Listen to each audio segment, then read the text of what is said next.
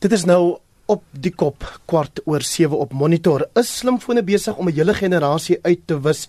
Vra ons vanoggend. Die antwoord hierop is volgens 'n Amerikaanse wetenskaplike ja. Sy is Jean Twenge wat verskillende generasies navors en die gapings tussen hulle al 25 jaar lank doppel. Sy het bevind dat die generasiegaping tussen die sogenaamde millennials en die generasie wat op hulle volg baie groot is. Millennials is tussen die laat 80er jare en die laat 90er jare gebore en die geslag na hulle is tussen 1995 en 2012 gebore. En ons praat nou hieroor met Letitia Smits wat besig is met haar doktorale proefskrif wat fokus op die 18 tot 28 jarige middelklas Suid-Afrikaners. En Letitia is 'n dosent by die Universiteit van Johannesburg se departement van sosiologie en sy is ook 'n doktorale kandidaat by die Vrye Universiteit in Amsterdam op 'n Desmond Tutu beurs. Goeiemôre baie welkom by ons in die Monitor Ateljee. Kom ons kyk 'n bietjie ons nou gepraat oor die Amerikaner Jean Twenge wat haar navorsing eh, afgelei daaruit afgelei het dat die kenmerkende eienskap uh van millennials in Amerika aan die verdwyn is en daar word ook bespiegel dat dit die gevolg is van die resessie dat millennials met ander woorde onseker is dat hulle sukkel om hulle plek in die ekonomie te vind. Is dit jou ervaring van Suid-Afrikaanse jong mense? Absoluut. Ek dink vandag se jong mense is nie net onseker nie, maar hulle is regtig bekommerd oor wat in hulle toekoms gaan gebeur. Um net as my rol as 'n dosent, praat ek met so baie honderde studente en hulle is almal bekommerd oor wat in hierdie land gaan gebeur en of hulle wel sal kan geld maak en 'n lewe vir hulle self kan maak.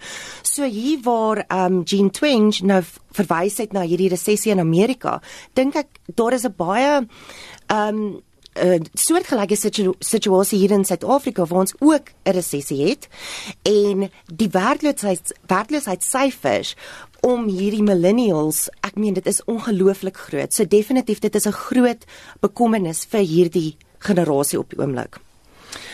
Twin sê ook dat die gedrag van hierdie sogenaamde iGen generasie uh en hulle besluitneming word gevorm deur die gebruik van hierdie slimfone. Stem jy daarmee saam? Absoluut. Ek meen as dit net neerkom op gedrag. Jy sien hoe almal net deur die strate loop, almal het hulle slimfone in hulle hande. Ek noem dit amper soos die zombie generasie waar mm. almal net afkyk. Dit is natuurlik ook nie net hierdie spesifieke generasie nie. Ek dink die generasie Y en generasie X, daai mense doen dit ook want ons almal het maar aangepas aan hierdie tegnologiese wêreld. Alhoewel hierdie spesifieke generasie waarna Twenge verwys, is definitief ehm um, ehm um, verskriklik beïnvloed hulle gedrag is verskriklik beïnvloed deur tegnologie en deur slimfone. Nou die ander ding wat dit ook doen is dit verander hoe hierdie jong mense verhoudings met mekaar aanknoop. Ek meen ons kan nou sien dat daar um, online dating is, Tinder en so aan. Mm. Dit is 'n heeltemal ander tipe leefstyl. Maar aan die einde van die dag wat ek dink wat hierdie jong mense en wat ek al gesien het in my navorsing is dat wat hulle verskillik geniet van hierdie tipe leefstyl stel met slimfone is daardie instant gratification. Hmm. It's information on your fingertips. Maar is dit altyd 'n goeie ding? Uh, gaan ons nie hierso konteks en diepte mis nie. Ek meen jy sien dit in journalistiek al klaar, daai fase 2 journalistiek, die ontleding, die diepte, die konteks. Ons sien dit nie in die ander ding wat ek jou wil vra is, mm. maak dit ons nie ongeskik nie. Ek meen die feit dat ons nie meer kommunikeer nie, mense kyk mekaar nie meer in die oë nie, is ons besig om te vervlak dit is amper asof daai aangesig tot aangesig kommunikasie verminder. Dit is wel waar. Maar aan die ander kant moet ons ook kyk na wat beteken interaksie aan die einde van die dag. Wat hierdie tipe tegnologie vir ons werklik gee, is ons kan met mense um, in interaksie tree van 'n ander land byvoorbeeld. Ons kan FaceTime, ons kan Skype. Ek dink vroeër het julle dit ook genoem op die radio. En die ding is dat dit nuwe geleenthede oop wel ontbloot. So ek dink daar moet half 'n balans wees. Ehm um, ek dink daar moet ehm um, hierdie ek ek wil amper sê hierdie jeug van vandag moet eintlik verantwoordelikheid leer om te sien waar daai beperkings is en en wat die gevolge, die nagevolge van dit kan wees en een van dit kan wees dat daar daai persoonlike kontak wel verminder. Wat sou die geleenthede wees wat geskep word hierdeur het nou nou verwys dan? Ja, ehm um, wel wat ek nou spesifiek gevind het in my ehm um, navorsingsgroep, my deelnemers tussen die ouderdom van 18 en 28, hulle maak veral gebruik o ehm um, van uh LinkedIn byvoorbeeld.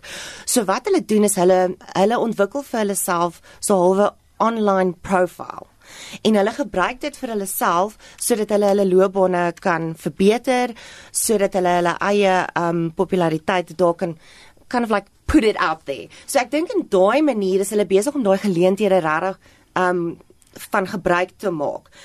Um aan die ander kant wat dit ook doen is hulle kom in kontak met baie ander um idees van reg oor die wêreld. Nou weer eens hierdie kan 'n negatiewe ding ook wees. Twenge verwys daarna dat um jy weet um al die kontak wat jy het met met met uh al hierdie idees kan dalk soos 'n halwe informasie oorlading word. So mm. dit daar is daai negatiewe aspek daarna toe ook, maar aan die ander kant as jy dit in 'n baie verantwoordelike manier gebruik kan jy actually gebruik maak daarvan op 'n positiewe manier.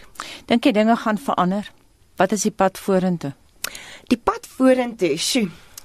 Kyk, sy spekuleer dat daar verskriklik baie ehm um, of verskriklik minder persoonlike interaksie gaan plaasvind en ek dink dit dit mag dalk waar wees. Korrek. Alhoewel, jy weet elke generasie moet maar aanpas na die nuwe ontwikkelinge wat gebeur en ek dink jy weet hierdie generasie gaping tussen die iGen en die millennials gaan nie wel so groot wees nie. Um en ek dink die generasies wat volg gaan basies net groot word met hierdie tegnologie en dit hulle gaan net aanpas daarbey toe en ek dink dit mag dalk makliker vir hulle wees as vorige generasies. Hierdie gedrag deur generasie iGen word dikwels deur ons wat ouer is dalk beskou as soort van antisosiale gedrag. Mm -hmm. Watter uitwerking het dit op sosiale samehorigheid oor om daai generasie te help om met ander mense wat ander kulture of rasse as jy wil oor die weg te kom. Wel, weer eens ek dink dis daai positief en negatief want aan die een kant, ehm um, daai inligting wat hulle wel kry, kan hulle um, in kontak kom met verskillende tipe kulture. Maar ja, ek sien dit ook in die klaskamers by die universiteit waar daar basies, jy weet hulle sit maar net op hulle fone en daar's nie eers daardie interaksie tussen ek as die dosent en die en die studente nie. So dit dit maak my nogal baie ontstel partykeer. Dit laat my worry to put it that way. Maar ek wil weer eens terugkom na wat ek vroeër vir jou gevra het oor die vervlakking. Ja. Dink jy nie ons gaan ons vermoë om iemand te lees? As jy met iemand praat en jy lees hulle, die lyfstaal, die oë, jou gut gevoel, gaan ons nie daai vermoë begin verloor nie, soos wat ons interaksie met mekaar vervlak nie. Ek glo so. Ek kyk as as ek nou FaceTime uit hierdie ehm um, ehm um, situasie uitneem, dan definitief. Dit is 'n baie onpersoonlike virtuele tipe omgewing. So ek dink dit gaan vervlak. Um en weer eens dit gaan maar net oor seker maar wat ons ouers wat die ouers hier vir hierdie generasie gaan met leer oor hoe om tegnologie te gebruik. So ja, ek dink daar gaan definitief 'n vervlakking plaasvind en dit is nogal iets om oor bekommerd te wees. Ons maak dit ook ons of het dit ons SMS onderwerp gemaak vir vanoggend Letitia Smuts. So ons hoop dat mense terugvoer vir ons sal gee ook na hierdie gesprek met jou. Letitia is 'n doktorsgraad of liewer 'n PhD student aan die Universiteit die Vrye Universiteit van Amsterdam en sy doseer aan die Universiteit van Johannesburg se departement sosiologie.